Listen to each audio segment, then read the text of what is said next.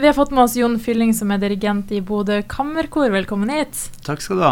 Nå er Bodø Kammerkor straks i gang med et nytt semester, og du er bl.a. her for å fortelle litt om hva vi kan vente under årets program. Ja, jeg tenker at først og fremst så er det konsert i Domkirka den 29. oktober. Da skal vi fremføre et større klassisk korverk, som vi kaller det. Det er messe i D-dur av Antonin Dvorsak, som er en tsjekkisk romantisk komponist fra, det, fra eh, sånn 1800-tallet, slutten av 1800-tallet. Eh, han er kjent for de som er liksom, kjent i klassisk musikk, med bl.a.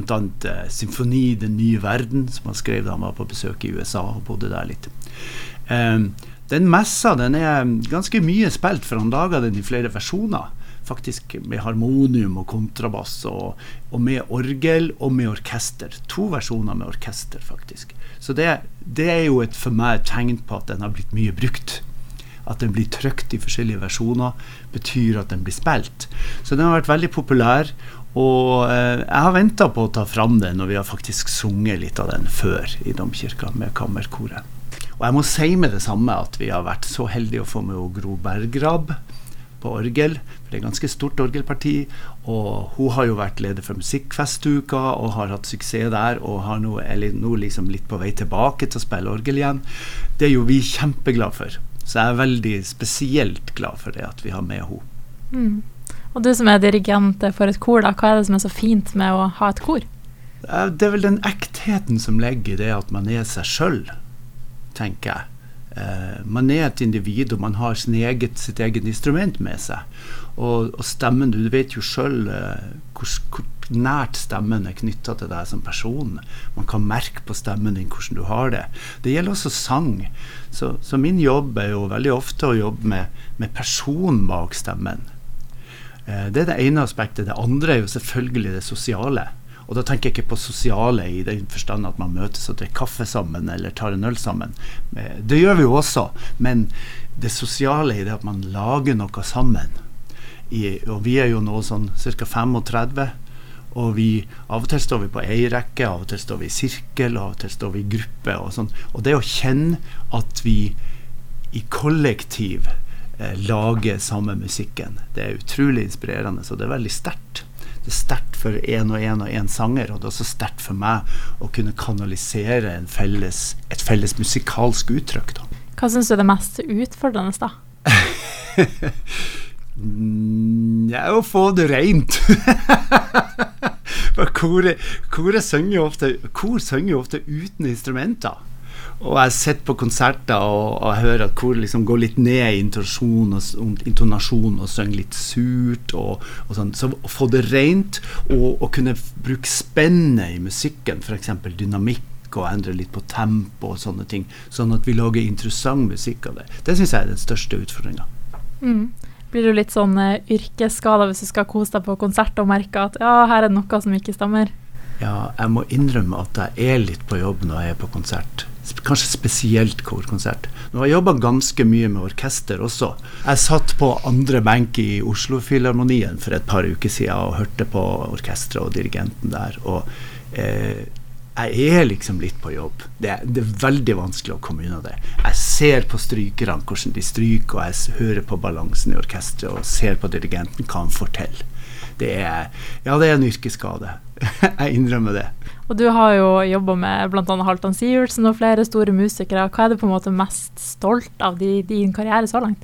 Nei, det vil jeg egentlig ikke si, for jeg har ikke lyst til å rangere sånne ting. For alle, alle konsertprosjekter er for meg en veldig spesiell opplevelse. Uansett hvem som eh, hvem som på en måte eh, er partner og står i front. Altså, jeg husker jo fra mange år siden noen prosjekter med Sissel Kirkjebø som var utrolig inspirerende. Anne Grete Preus har gjort julekonserter med meg. Og, og liksom når man blir litt eldre, så tenker man litt tilbake på sånne prosjekter. Kanskje særlig Anne Grete, som er borte. Eh, men, men jeg, kan, jeg, har liksom ikke lyst til å trekke fram en artist fremfor andre. Men det er klart at når vi er i Bodø, så kan vi jo godt snakke om han Halvdan. Eh, det har vært veldig inspirerende for meg å skrive eh, skrive kor på mange av hans låter. Eh, det må jeg si. Eh, hei, mm. Halvdan. og dere skal jo også ha en julekonsert i år. Hva kan man forvente fra det? Ja, den er jo blitt veldig tradisjonell, da. Altså ikke tradisjonell i kjedelig forstand, for den er ganske variert. Men den er blitt eh, eh Det der med den ramma med Bodø-kirka som er den der gamle middelalderkirka. Du får den atmosfæren av de gamle, tykke murene. Og, eh, og, det lille rommet. Det krever litt spesielt av et kor, for vi er jo ganske mange. Så det blir på en måte et veldig komprimert uttrykk. Og så har vi med oss strykere. Det har blitt et, en del av det konseptet. Vi har med oss Bjørn Andor, drage, og vi har med oss strykere. Eh, og i år eh, har vi ukrainske musikere her, så strykekvintetten blir ledet av en ukrainsk fiolinist. Eh, og jeg må også si at vi har eh, akkurat nå inngått sponsoravtale med Coop Nordland. Eh, jeg får lov å si det.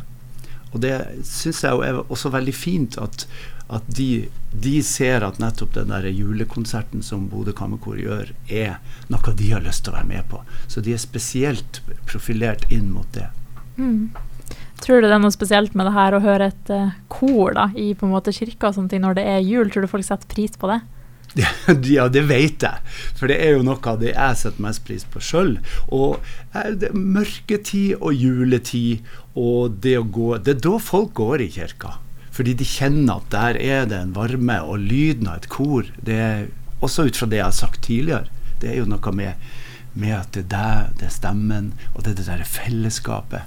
Eh, Paul McCartney har sunget i kor. Elton John har sunget i kor. Eh, selvfølgelig Sissel, som jeg snakka om i stad, har sunget i kor.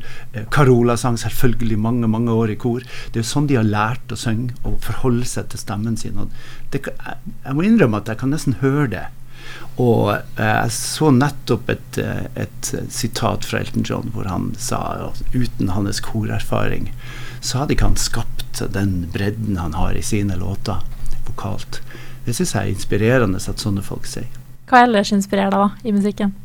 Å se folkene. Se ansiktet. Se øyekontakten. Og, og den, der, den linken hvor vi plutselig eh, oppnår noe som er helt felles. Mm. Det, og selvfølgelig lyden når det er rent. det må jo være rent. Det er ingen mm. som liker å høre på sure kor. Nei, altså, surt som er da ureint. Vi kaller det det surt. Og da, Det er ingen som vil høre på. Så målet er når du får en, plutselig en kjemperein akkord eller en superfin frase, melodi. Så ja, da er det fint å leve. Mm. Og så ser jeg at 4.9 så skal dere også ha en audition for nye sangere. Hvordan går man fram hvis man har lyst til å være med på det? Eh, ringe meg, eller bare dukke opp. Jeg kommer til å være på Bodø seremonirom eh, fra klokka fem på mandag. Eh, og vi hadde en audition allerede nå for fire sangere.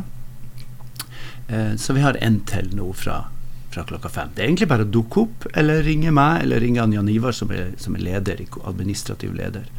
Uh, uh, vi trenger kanskje ekstra en bass eller en alt Uh, du vet hvordan korstemmene er. Sopran, alt, tenor og bass. Ja.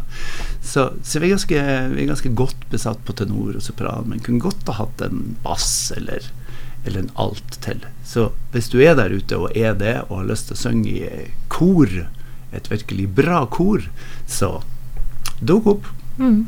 Er det skummelt å bli med på en sånn audition, tenker du? Ja. det er det, fordi, fordi det, det, det hender jo å si nei.